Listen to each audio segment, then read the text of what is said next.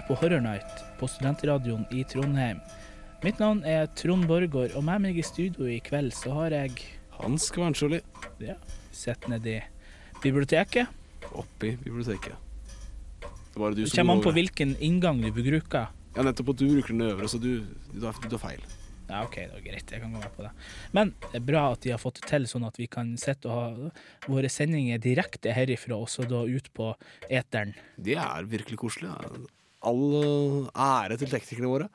Ja, selv om de gikk litt fulle eller noe i går. Ja. Jeg, eh, jeg likte ikke det som skjedde i går. Nei vel? Nei, det, det er det her nymotens vi kaller for halloween. Halloween, ja. Åh, Gud bedre. Eh, Jeg ser ikke helt greia. Altså, fra gammelt av så hadde du en del litt sånn gode tradisjoner. Altså eh, irsk-tradisjoner, du har òg eldre tradisjoner som på en måte de har bare ja, bare misbrukt, og så har de på en måte kalt det for halloween. Ja.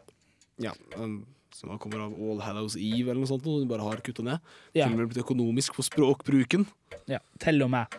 Ikke Så, sant? men det, jeg syns det liksom Originalt sett så var jo det her ei feiring uh, for å feire at nå kom mørketida, altså slutten Eller rett og slett feire at en feiring for å markere at mørketida kommer. Man feira jo ikke akkurat det, det var jo Nei, negativt. markering.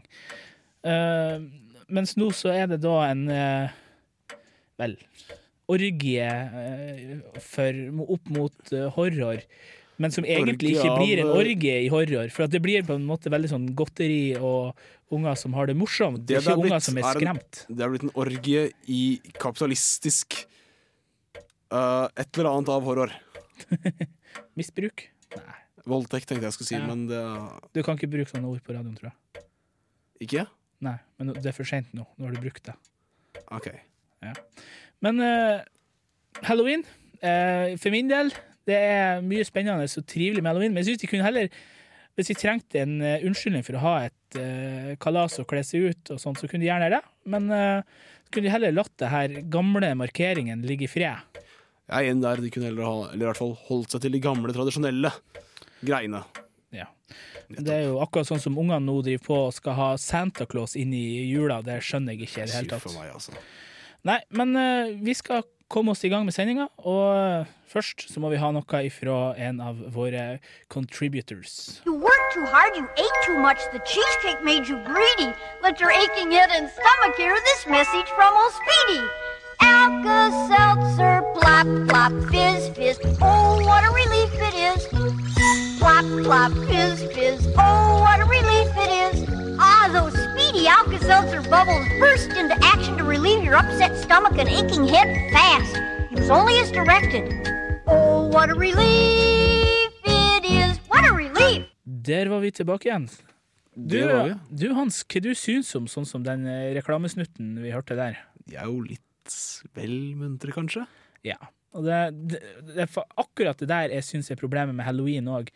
det er liksom Jeg, jeg føler ikke at det, du har noe særlig god over Altså, du har ikke noe særlig frykt tilknyttet halloween lenger. Nei, det er bare en ja, greie som de driver med.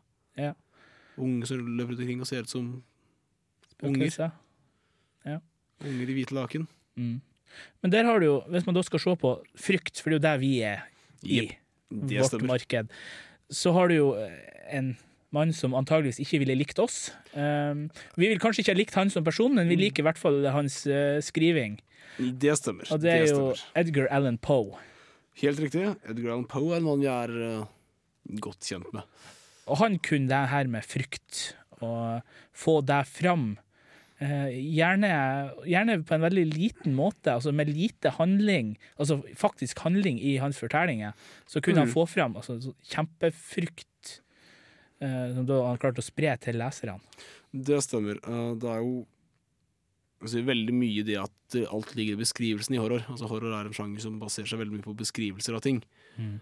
Eh, og der er hovedsakelig The, The Fall of House of Usher som peker seg litt sånn ut hos uh, Poe, da. Hvor det da er lukka til hus, innenfor husets fire vegger, og ja, det som skjer utenfor har ikke noe interesse, det er det som skjer innenfor som har interesse, og det er ikke mye som skjer egentlig heller. Altså, vi sitter og spiller litt musikk og bibliotek og litt sånt nå. Mm. Så skjer det noe ting etter hvert, men det skal la være nevnt nå. Ja. Og Og det er ikke så mange personer som er involvert. Det er liksom, det er ikke sånn som hvis man tar Lovecraft, for eksempel, så har du Han har òg de små hendelsene, men der har du hele tida, eller veldig ofte, en sånn her OK, og vi lukka igjen luka som gjorde at eh, ikke døden kom ut, eller uh, Cthulhu kom ut av uh, Det er ofte litt annerledes, da. Vi glemte å lukke luka, og derfor kom Cthulhu ut og spiste verden. Ja, men der har du på en måte de fremdeles små hendelser, men store konsekvenser. Mens i sånn som denne historien her, så er den på en måte det, Du trenger ikke å ha verdens undergang som en sånn her fryktgjever til, eh, til leseren. Nei, det er jo en interessant greie med Poe, også hvordan han klarer å få frem det. Og det er jo Han døde jo bare som 40-åring, så vi kan jo bare tenke oss til hvordan han hadde vært hvis han kunne levd i 20 eller 30 år til. Fortsatt å hone eh, evnene sine. Ah. Vi får, finne, vi får lage en tidsmaskin og så drar tilbake og så hente han. Ja, Ordne det her, det beste. tror det. Men vi kan bare ta og sette rett i gang med å høre på The Fall of the House of Usher. Og det er så klart eh, LibreVox som har stiet for opptaket. Vi takker dem for det. Så kommer vi tilbake igjen eh, litt på slutten. The Fall of the House of Usher. Sancur est unlut suspendo, citat quion litoge il raison de Berengar. During the whole of a dull, dark, and soundless day in the autumn of the year, when the clouds hung oppressively low in the heavens, I had been passing alone on horseback through a singularly dreary tract of country, and at length found myself, as the shades of the evening drew on, within view of the melancholy house of Usher. I knew not how it was, but with the first glimpse of the building a sense of insufferable gloom pervaded my spirit. I say insufferable, for the feeling was unrelieved by any of that half pleasurable, because poetic sentiment with which the mind usually receives even the sternest natural images of the desolate or terrible.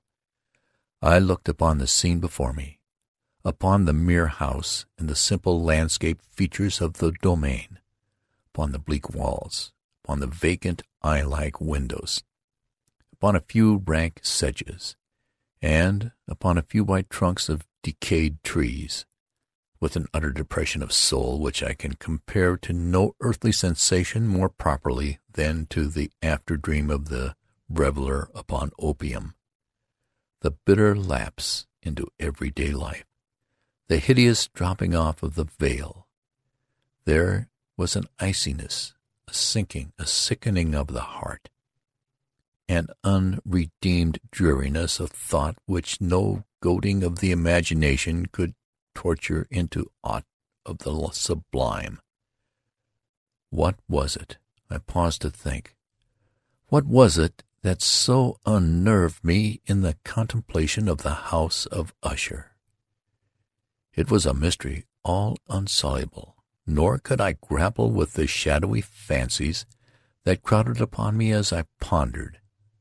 I was forced to fall back upon the unsatisfactory conclusion that while beyond doubt there are combinations of very simple natural objects which have the power of thus affecting us, still the analysis of this power lies among considerations beyond our depth. It was possible, I reflected, that a mere different arrangement of the particulars of the scene, of the details of the picture, would be sufficient to modify or perhaps to annihilate its capacity for sorrowful impression. And acting upon this idea, I reined my horse to the precipitous brink of a black and lurid tarn that lay in unruffled lustre by the dwelling, and gazed down, but with a shudder even more thrilling than before, upon the remodeled and inverted images of the gray sedge, and the ghastly tree stems, and the vacant and eye-like windows. Nevertheless, in this mansion of gloom I now proposed to myself a sojourn of some weeks. Its proprietor, Roderick Usher, had been one of my boon companions in boyhood, but many years had elapsed since our last meeting. A letter, however, had lately reached me in a distant part of the country. A letter from him, which in its wildly importunate nature had admitted of no other than a personal reply. The MS gave evidence of nervous agitation. The writer spoke of acute bodily illness, of a mental disorder which oppressed him, and an earnest desire to see me, as his best and, indeed, his only personal friend, with a view of attempting, by the cheerfulness of my society, some alleviation of his malady. It was the manner in which all this, and much more, was said. It was the apparent heart that went with his request, which allowed me no room for hesitation, and I accordingly obeyed forthwith what I still considered a very singular summons. Although as boys we had been even intimate associates, yet I really knew little of my friend. His reserve had been always excessive and habitual. I was aware, however, that his very ancient family had been noted, time out of mind, for a peculiar sensibility of temperament, displaying itself through long ages in many works of exalted art, and manifested, of late, in repeated deeds of munificent yet unobtrusive charity, as well as in a passionate devotion to the intricacies, perhaps even more than to the orthodox and easily recognizable beauties of musical science. I had learned, too, the very remarkable fact that the stem of the Usher race, all time-honored as it was, had put forth at no period any enduring branch. In other words, that the entire family lay in the direct line of descent, and had always, with very trifling and very temporary variation, so lain. It was this deficiency I considered, while running over the thought the perfect keeping of the character of the premises with the accredited character of the people, while speculating upon the possible influence which the one, in this long lapse of centuries, might have exercised upon the other. It was this deficiency, perhaps, of collateral issue, and the consequent undeviating transmission, from sire to son, of the patrimony of the name which had at length so identified the two as to merge the original title of the estate in the quaint and equivocal appellation of the House of Usher, an appellation which seemed to include in the minds of the peasantry who used it both the family and the family mansion. I have said that the sole effect of my somewhat childish experiment, that of looking down within the tarn, had been to deepen the first singular impression. There can be no doubt that the consciousness of the rapid increase of my superstition, for why should I not so term it, served mainly to accelerate the increase itself. Such I have long known is the paradoxical law of all sentiments having terror as a basis. And it might have been for this reason only, that when I again uplifted my eyes to the house itself from its image in the pool, there grew in my mind a strange fancy, a fancy so ridiculous, indeed, that I but mention it to show the vivid force of the sensations which oppressed me. I had so worked upon my imagination as reality to believe that about the whole mansion and domain there hung an atmosphere peculiar to themselves and their immediate vicinity, an atmosphere which had no affinity with the air of heaven, but which had reeked up from the decayed trees and the gray wall and the silent tarn, a pestilent and mystic vapor, dull, sluggish, faintly discernible and leaden-hued. Shaking off from my spirit what must have been a dream, I scanned more narrowly the real aspect of the building. Its principal features seemed to be that of an excessive antiquity. The discoloration of ages had been great. Minute fungi overspread the whole exterior, hanging in a fine tangled webwork from the eaves. Yet all this was apart from any extraordinary dilapidation.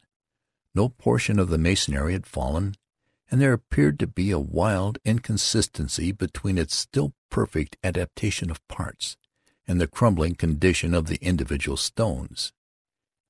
In this there was much that reminded me of the spacious totality of old woodwork. which has rotted for long years in some neglected vault. With no disturbance from the breath of the external air, beyond this indication of extensive decay, however, the fabric gave little token of instability. Perhaps the eye of a scrutinizing observer might have discovered a barely perceptible fissure, which, extending from the roof of the building in front, made its way down the wall in a zigzag direction, until it became lost in the sullen waters of the tarn. Noticing these things, I rode over a short causeway to the house. A servant in waiting took my horse, and I entered the Gothic archway of the hall.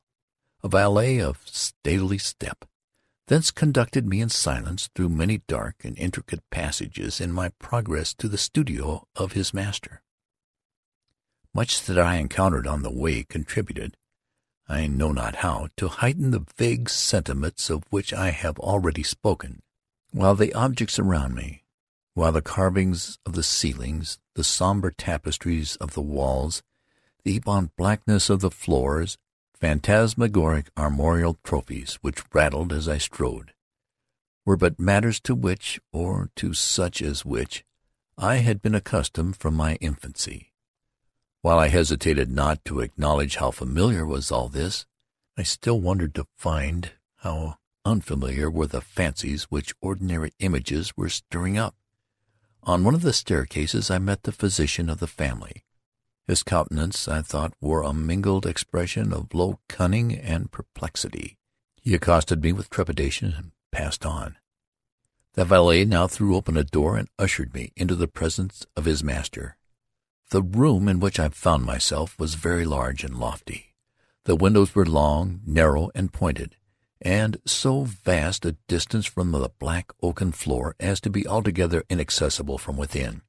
Feeble gleams of encrimsoned light made their way through the trellised panes and served to render sufficiently distant the more prominent object around. The eye, however, struggled in vain to reach the remoter angles of the chamber, or the recesses of the vaulted and fretted ceiling. Dark draperies hung upon the walls. The general furniture was profuse, comfortless, antique, and tattered. Many books and musical instruments lay scattered about, but failed to give any vitality to the scene. I felt that I breathed an atmosphere of sorrow, an air of stern, deep, and irredeemable gloom hung over and pervaded all. Upon my entrance, Usher arose from a sofa on which he had been lying at full length, and greeted me with a vivacious warmth which had much in it. I at first thought of an overdone cordiality, of the constrained effort of the ennuyé man of the world. A glance, however, at his countenance convinced me of his perfect sincerity. We sat down, and from some moments while he spoke not, I gazed upon him with a feeling half of pity, half of awe. Surely man had never before so terribly altered in so brief a period as had Roderick Usher. It was with difficulty that I could bring myself to admit the identity of the wan being before me with the companion of my early boyhood. Yet the character of his face had been at all times remarkable a cadaverous of complexion, an eye large, liquid, and luminous beyond comparison, lips somewhat thin and very pallid, but of a surprisingly beautiful curve, a nose of a delicate Hebrew model, but with a breadth of nostril unusual in similar formations, a finely moulded chin, speaking, in its want of prominence, of a want of moral energy, hair of a more than web-like softness and tenuity, these features with an inordinate expansion above the regions of the temple, made up altogether a countenance not easy to be forgotten. And now, in the mere exaggeration of the prevailing character of these features and of the expression they were wont to convey, lay so much of change that I doubted to whom I spoke. The now ghastly pallor of the skin and the now miraculous luster of the eye above all things startled and even awed me. The silken hair, too, had been suffered to grow all unheeded, and as, In its wild, gossamer texture it floated rather than fell about the face. I could not, even with effort, connect its arabesque expression with any idea of simple humanity. In the manner of my friend I was at once struck with an incoherence, an inconsistency, and I soon found this to arise from a series of feeble and futile struggles to overcome an habitual trepidancy, an excessive nervous agitation. For something of this nature I had indeed been prepared, no less by his letter than by reminiscence of certain boyish traits, and by conclusions deduced from his peculiar physical conformation and temperament. His action was alternately vivacious and sullen. His voice varied rapidly from a tremulous indecision, when the animal spirits seemed utterly in abeyance, to the species of energetic concision, that abrupt, weighty, unhurried, and hollow-sounding enunciation, that leaden self-balance and perfectly modulated guttural utterance, which may be observed in the lost drunkard or the irreclaimable eater of opium during the periods of his most intense excitement. It was thus that he spoke of the object of my visit, of his earnest desire to see me, and of the solace he expected me to afford him. He entered at some length into what he conceived to be the nature of his malady. It was, he said, a constitutional and family evil, and one for which he despaired to find a remedy. A mere nervous affection, he immediately added, which would undoubtedly soon pass off. It displayed itself in a host of unusual sensations. Some of these, as he detailed them, interested and bewildered me, although perhaps the terms and the general manner of the narration had their weight. He suffered much from a morbid acuteness of the senses. The most insipid food was alone endurable. He could wear only garments of certain texture. The odors of all flowers were oppressive. His eyes were tortured by even a faint light, and there were but peculiar sounds, and these from stringed instruments which did not inspire him with horror. To an anomalous species of terror I found him a burdened slave. I shall perish, said he. I must perish in this deplorable folly. Thus, thus, and not otherwise, shall I be lost. I dread the event of the future, not in themselves, but in the results. I shudder at the thought of any, even the most trivial incident which may operate upon this intolerable agitation of soul. I have, indeed, no abhorrence of danger except in its absolute effect. In terror, in this unnerved, in this pitiable condition, I feel that the period will sooner or later arrive when I must abandon life and reason together in some struggle with the grim phantasm, fear. I learned, moreover, at intervals and through broken and equivocal hints, another singular feature of his mental condition. He was enchained by certain superstitious impressions of the dwelling which he tenanted and whence for many years he had never ventured forth. In regard to an influence whose superstitious force was conveyed in terms too shadowy here to be restated, an influence which some peculiarities in the mere form and substance of his family mansion had, by dint of long sufferance, he said, obtained over his spirit, an effect which the physique of all the gray walls and turrets and the dim tarn into which they all looked down had at length brought upon the morale of his existence. He admitted, however, although with hesitation, that much of the peculiar gloom which thus affected him could be traced to a more natural and far more palatable origin, to the severe and long-continued illness indeed, to the evidently approaching dissolution of a tenderly beloved sister, his sole companion for long years, his last and only relative on earth.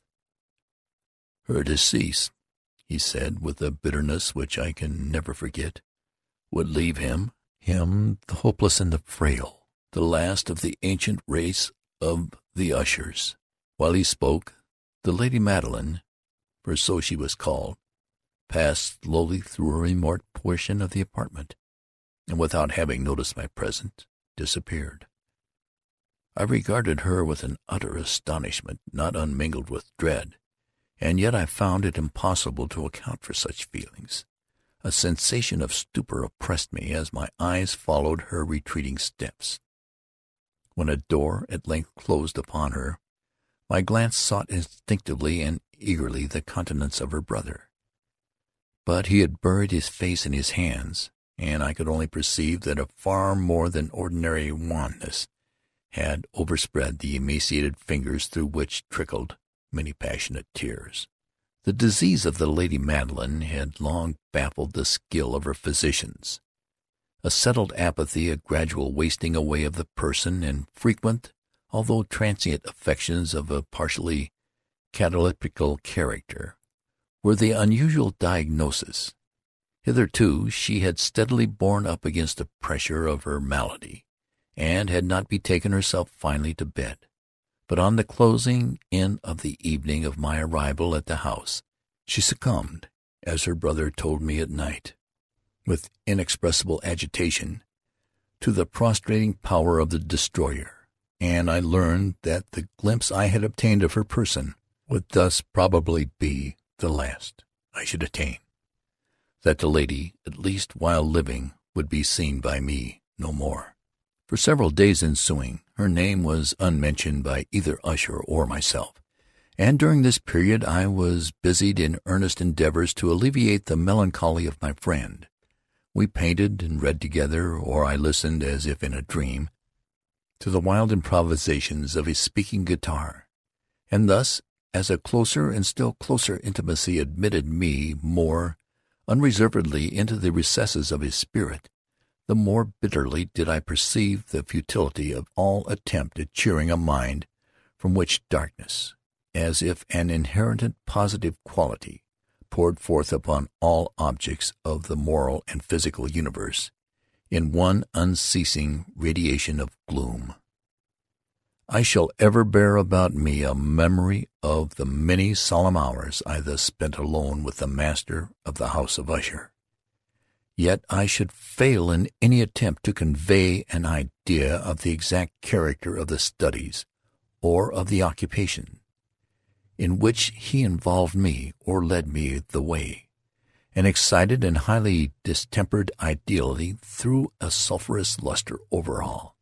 His long, improvised dirges will ring forever in my ears. Among other things, I hold painfully in mind a certain singular perversion and amplification of the wild air of the last waltz of Von Weber.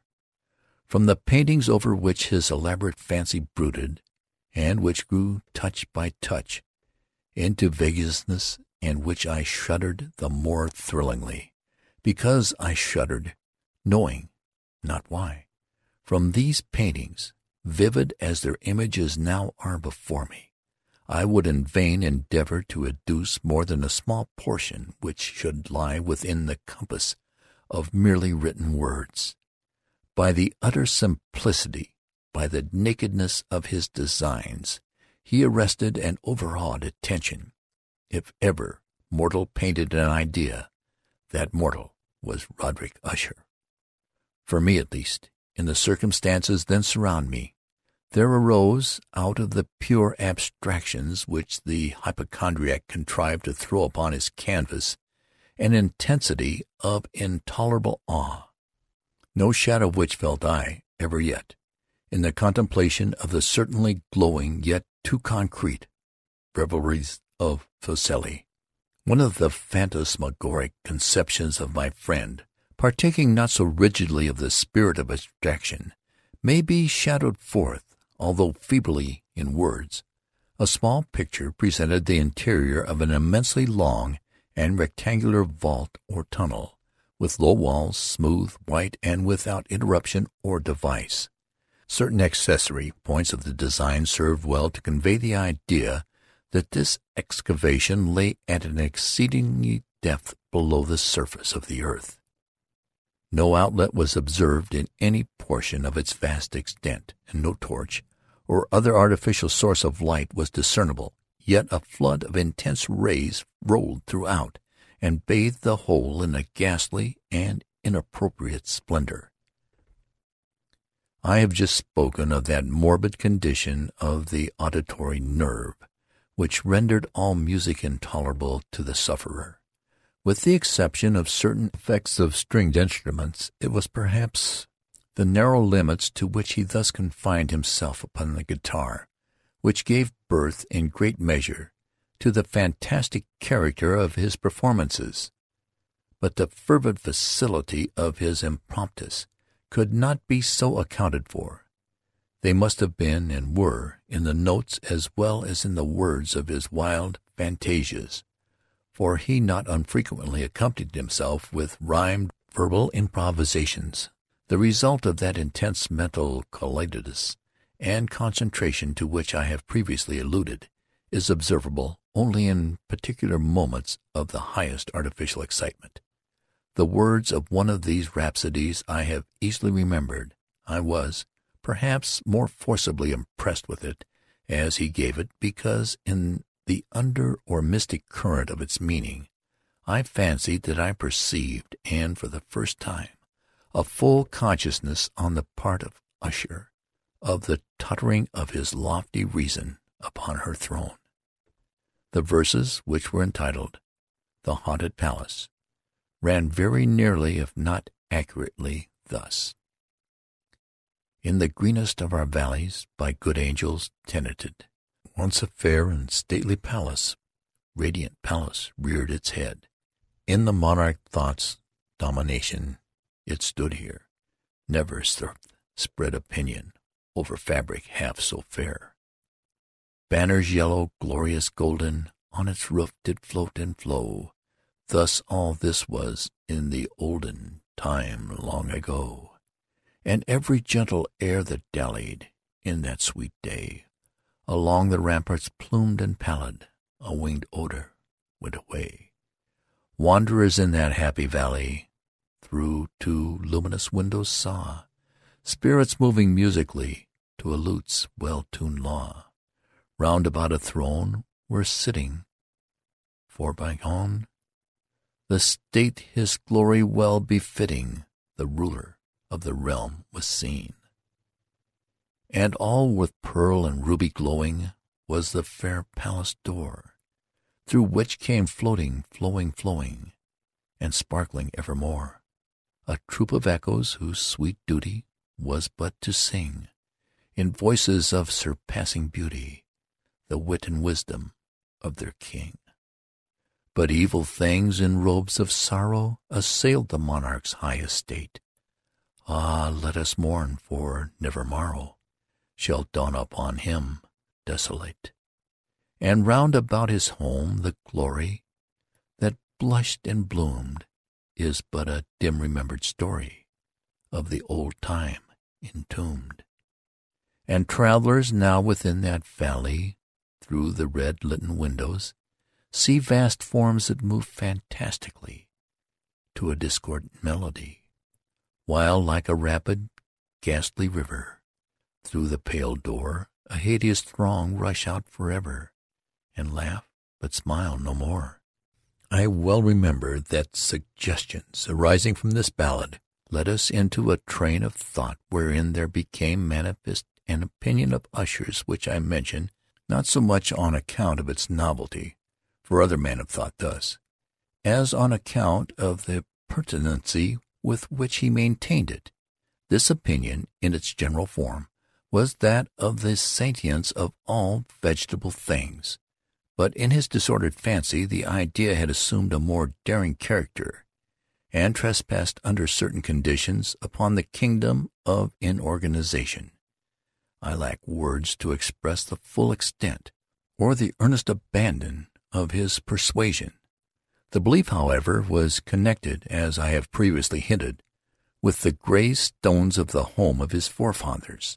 The conditions of the sentence had been here, he imagined, fulfilled in the method of collocation of these stones, in the order of their arrangement as well as in that of the many fungi which overspread them, and the decayed trees which stood around; above all, in the long, undisturbed endurance of this arrangement, and in its reduplication in the still waters of the tarn. Its evidence, the evidence of the sentience, was to be seen, he said, and I here started as he spoke, in the gradual, yet certain condensation of an atmosphere of their own about the waters and the walls. The result was discoverable, he added, in that silent, yet importunate and terrible influence which for centuries had mouldered the destinies of his family, and which made him what I now saw him, what he was. Such opinions need no comment, and I will make none. Our books, the books which for years had formed no small portion of the mental existence of the invalid, were, as might be supposed, in strict keeping with his character of phantasm. He pored together over such works as Ververt et Chartreuse, Gresset, the Best Bethflicker of Machiavelli, the Heaven and Hell of Swedenborg, the Subterranean Voyage of Nicholas Klimm by Holberg, the Chiromancy of Robert Flud, of Jean d'Ingy, and De la Chambre, the Journey into the Blue Distance of Tieck, and the City of the Sun, Campanella. One favorite volume was a small octavo edition of Directorium Inquisitorum by the Dominican Eymeric de Gironne and there were passages of Pomponius Mela about the old African satyrs and of Egyptians over which Usher would sit dreaming for hours. His chief delight, however, was found in the perusal of an exceedingly rare and curious book in quarto Gothic, the Manual of a Forgotten Church, the Vigiliae Mortuorum Secundum Chorum Ecclesiae Maguntinae. I could not help thinking of the wild ritual of this work, and of its probable influence upon the hypochondriac, when one evening, having informed me abruptly that the Lady Madeline was no more, he stated his intention of preserving her corpse for a fortnight, previously to its final interment, in one of the numerous vaults within the main walls of the building. The worldly reason, however, assigned for this singular proceeding was one which I did not feel at liberty to dispute. The brother had been led to his resolution, so he told me, by consideration of the unusual character of the malady of the deceased, of certain obtrusive and eager inquiries on the part of her medical men, and of the remote and exposed situation of the burial ground of the family.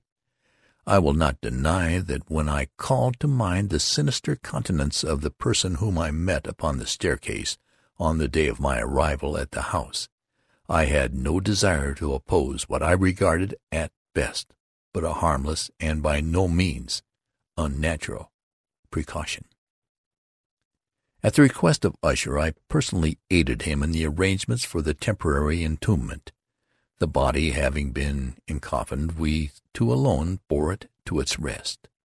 The vault in which we placed it, and which had been so long unopened that our torches half smothered in its oppressive atmosphere gave us little opportunity for investigation, was small, damp, and entirely without means of admission for light, lying at great depth, immediately beneath that portion of the building in which was my own sleeping apartment. It had been used, apparently, in more feudal times, for the worst purposes of a donjon keep, and in later days as a place of deposit for powder, or some other highly combustible substance, as a portion of its floor and the whole interior of a long archway through which we reached it were carefully sheathed with copper. The door, of massive iron, had been also similarly protected. Its immense weight caused an unusually sharp, grating sound as it moved upon its hinges. Having deposited our mournful burden upon trestles within this region of horror, we partially turned aside the yet unscrewed lid of the coffin, and looked upon the face of the tenant. A striking similitude between the brother and sister now first arrested my attention, and Usher, divining perhaps my thought, murmured out some words for which I learned that the deceased and himself had been twins, and that sympathies of a scarcity intelligible nature had always existed between them. Our glances, however, rested not long upon the dead, for we could not regard her unawed. The disease which had thus entombed the lady in the maturity of youth had left, as usual in all maladies of a strictly cataleptical character, the mockery of a faint blush upon the bosom and the face, and that suspiciously lingering smile upon the lip, which is so terrible in death. We replaced and screwed down the lid, and having secured the door of iron, made our way, with toil, into the scarcely less gloomy apartments of the upper portion of the house. And now, some days of bitter grief having elapsed, an observable change came over the features of the mental disorder of my friend. His ordinary manner had vanished. His ordinary occupations were neglected or forgotten. He roamed from chamber to chamber with hurried, unequal, and objectionless step. The pallor of his countenance assumed, if possible, a more ghastly hue, but the luminousness of his eye had utterly gone out. The once occasional huskiness of his tone was heard no more, and a tremulous quaver, as if of extreme terror, habitually characterized his utterances. There were times, indeed, when I thought his unceasingly agitated mind was laboring with some oppressive secret, to divulge which he struggled for the necessary courage. At times, again, I was obliged to resolve all that into the mere inexplicable vagaries of madness. For I beheld him gazing upon vacantly for long hours, in an attitude of the profoundest attention, as if listening to some imaginary sound. It was no wonder that his condition terrified, that it infected me. I felt creeping upon me by slow yet certain degrees the wild influences of his own fantastic yet impressive superstitions. It was especially upon retiring to bed late in the night of the seventh or eighth day after the placing of the Lady Madeline within the donjon that I experienced the full power of such feelings. Sleep came not near my couch. While the hours waned and waned away, I struggled to reason off the nervousness which had dominion over me. I endeavored to believe that much, if not all of what I felt, was due to the bewildering influence of the gloomy furniture of the room, of the dark and tattered draperies, which, tortured into motion by the breath of a rising tempest, swayed fitfully to and fro upon the walls, and rustled uneasily about the decorations of the bed. But my efforts were fruitless. An irrepressible tremor gradually pervaded my frame, and at length there sat upon my very heart an incubus of utterly ceaseless alarm. Shaking this off with a gasp and a struggle, I uplifted myself upon the pillows, and peering earnestly within the intense darkness of the chamber, hearkened. I know not why, except that an instinctive spirit prompted me to certain low and indefinite sounds which came through the pauses of the storm at long intervals. I knew not whence, overpowered by an intense sentiment of horror, unaccountable yet unendurable. I threw on my clothes with haste, for I felt that I should sleep no more during the night and endeavored to arouse myself from the pitiable condition into which I had fallen by pacing rapidly to and fro through the apartment. I had taken but few turns in this manner when a light step on an adjoining staircase arrested my attention. I presently recognized it as that of Usher. In an instant afterward he rapped, with a gentle touch, at my door, and entered bearing a lamp. His countenance was, as usual, cadaverously wan. But, moreover, there was a species of mad hilarity in his eyes, and evidently restrained hysteria in his whole demeanor. His air appalled me, but anything was preferable to the solitude which I had so long endured, and I even welcomed his presence as a relief. "Eh, you have not seen it," he said abruptly, after having stared about him for some moments in silence.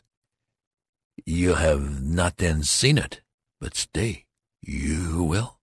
Thus speaking, and having carefully shaded his lamp, he hurried to one of the casements and threw it freely open to the storm. The impetuous fury of the entering gust nearly lifted us from our feet. It was, indeed, a tempestuous yet sternly beautiful night, and one wildly singular in its terror and its beauty. A whirlwind had apparently collected its force in our vicinity, for there were frequent and violent alterations in the direction of the wind, and the exceeding density did not prevent our perceiving this. Yet we had no glimpse of the moon or stars, nor was there any flashing forth of the lightning. But the under surfaces of the huge masses of agitated vapor, as well as all terrestrial objects immediately around us, were glowing in the unnatural light of a faintly luminous and distinctly visible gaseous exhalation which hung about and enshrouded the mansion. "You must not, you shall not behold this," said I, shudderingly to Usher, as I led him with a gentle violence from the window to a seat. "These appearances which bewildered you are merely electrical phenomena not uncommon or it may be that they have their ghastly origin in the rank miasma of the tarn. Let us close this casement. The air is chilling and dangerous to your frame. Here is one of your favorite romances I will read, and you shall listen, and so we will pass away this terrible night together. The antique volume which I had taken up was The Mad Tryst of Sir Launcelot Canning, but I had called it a favorite of Usher's, more in sad jest than in earnest, for in truth there is little in its uncouth and unimaginative prolixity which could have had interest for the lofty and spiritual ideality of my friend.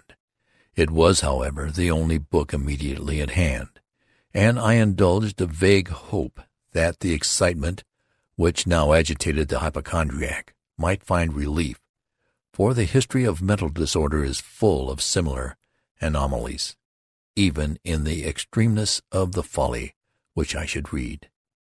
Could I have judged, indeed, by the wild, overstrained air of vivacity with which he hearkened, or apparently hearkened, to the words of the tale, I might well have congratulated myself upon the success of my design. I had arrived at that well-known portion of the story where Ethelred the hero of the tryst, having sought in vain for peaceable admission unto the dwelling of her hermit, proceeds to make good an entrance by force. Here it will be remembered the words of the narrative run thus: And Ethelred, who was by nature a doughty heart, and who was now mighty withal on account of the powerfulness of the wine which he had drunken, waited no longer to hold parley with the hermit, who in sooth, was an obstinate and maliceful turn, but, feeling the rain upon his shoulders, and fearing the rising of the tempest, uplifted his mace outright, and with blows made quickly room in the plankings of the door for his gauntleted hand, and now pulling therewith sturdily, he so cracked and ripped and tore all asunder, that the noise of the dry, hollow-sounding wood alarmed the and reverberated throughout the forest. At the termination of this sentence, I started for a moment, paused, for it appeared to me, although I at once concluded that my excited fancy had deceived me, it appeared to me that from some very remote portion of the mansion there came indistinctly to my ears what might have been, in its exact similarity of character, the echo, but a stifled and dull one certainly, of the very cracking and rippling sound which Sir Launcelot had so particularly described. It was beyond doubt the coincidence alone which had arrested my attention, for amid the rattling of the sashes of the casements and the ordinary commingled noises of the still increasing storm, the sound in itself had nothing, surely, which should have interested or disturbed me. I continued the story.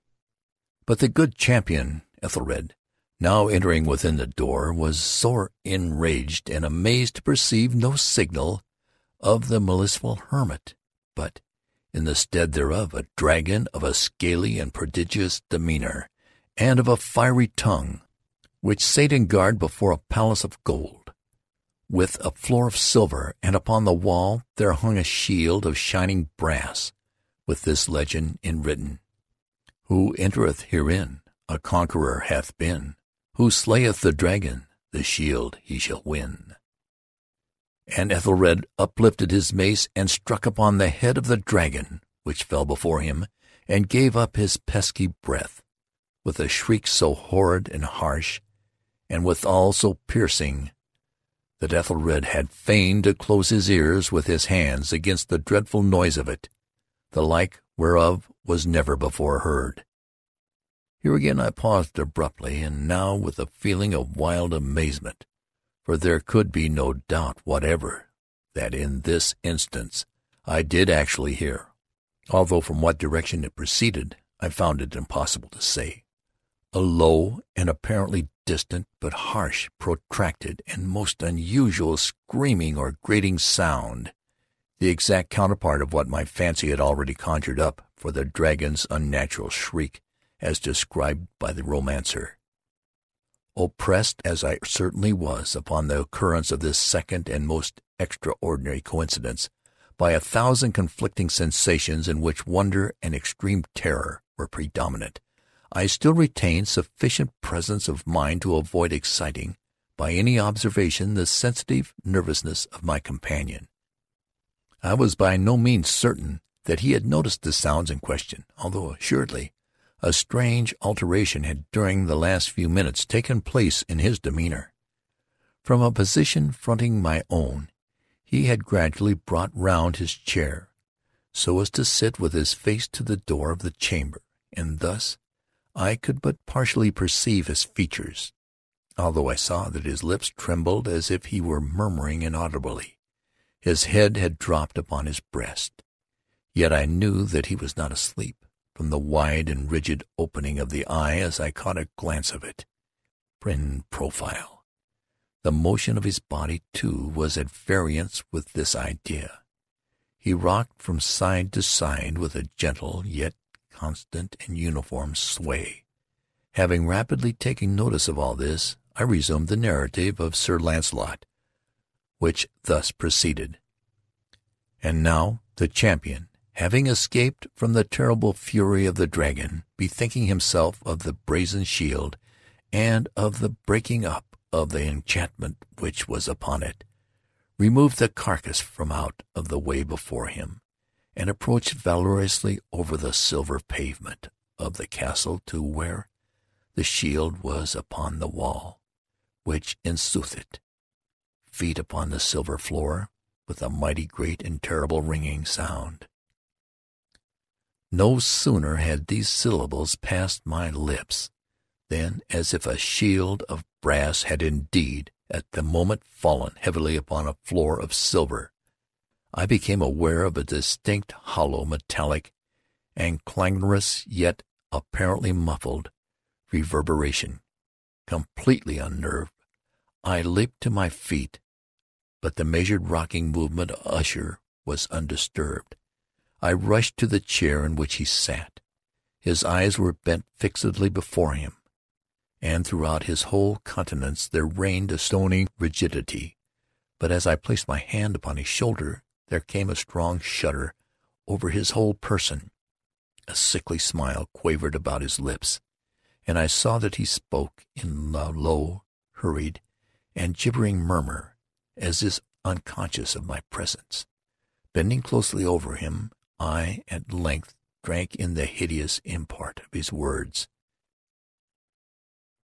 Not hear it? Yes, I hear it, and have heard it. Long, long, many minutes, many hours, many days have I heard it. Yet I dared not, oh, pity me, miserable wretch that I am, I dared not, I, I dared not speak. We have put her living in the tomb, said I. Not that my senses were acute. I now tell you that I heard her first feeble movements in the hollow coffin. I heard them many, many days ago yet. I dared not, I dared not speak. And now, to-night, Ethelred, ha, ha, the breaking of the hermit's door, and the death cry of the dragon, and the clangor of the shield, say, rather, the rending of her coffin, and the grating of the iron hinges of her prison, and her struggles within the coppered archway of the vault. Oh, whither shall I fly? Will she not be here anon? Is she not her in my haste? Have I not heard her footstep on the stair? Do I not distinguish that heavy and horrible beating of her heart? Madman! Here he sprang furiously to his feet and shrieked out his syllabus as if, in the effort, he were giving up his soul. Madman! I tell you that she now stands without the door. As if in superhuman energy of his utterance there had been found the potency of a spell. The huge antique panels to which the speaker pointed threw slowly back upon the instant their ponderous and ebony jaws. It was the work of the rushing gust, but then without these doors there did stand the lofty and enshrouded figure of the lady, Madeline of Usher. There was blood upon her white robes, and the evidence of some bitter struggles upon every portion of her emaciated frame. For a moment she remained trembling and reeling to and fro upon the threshold. Then, with a low, moaning cry, fell heavily inward upon the person of her brother, and her violent and now final death agonies bore him to the floor a corpse and a victim to the terrors he had anticipated. From that chamber and from that mansion I fled aghast.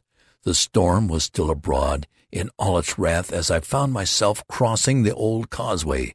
Suddenly there shot along the path a wild light, and I turned to see whence a gleam so unusual could have issued, for the vast house and its shadows were alone behind me. The radiance was that of the full setting, the blood-red moon, which now shone vividly through that once barely discernible fissure of which I have before spoken as extending from the roof of the building in a zigzag direction to the base. While I gazed, this fissure rapidly widened. There came a fierce breath of the whirlwind. The entire orb of the satellite burst at once upon my sight. My brain reeled as I saw the mighty walls rushing asunder.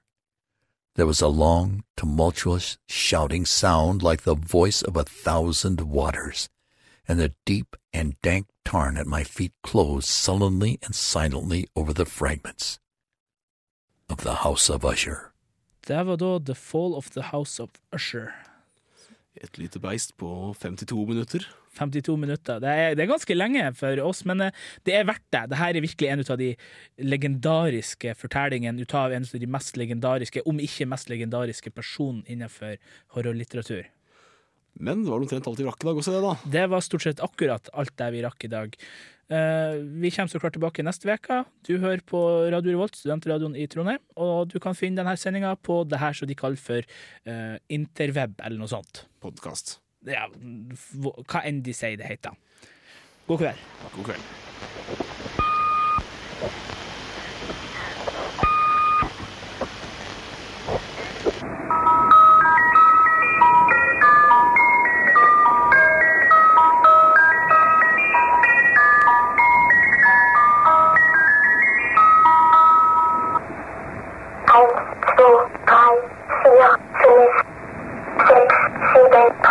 seven, eight, eight, two, five, zero, three, six, seven, eight, nine, nine.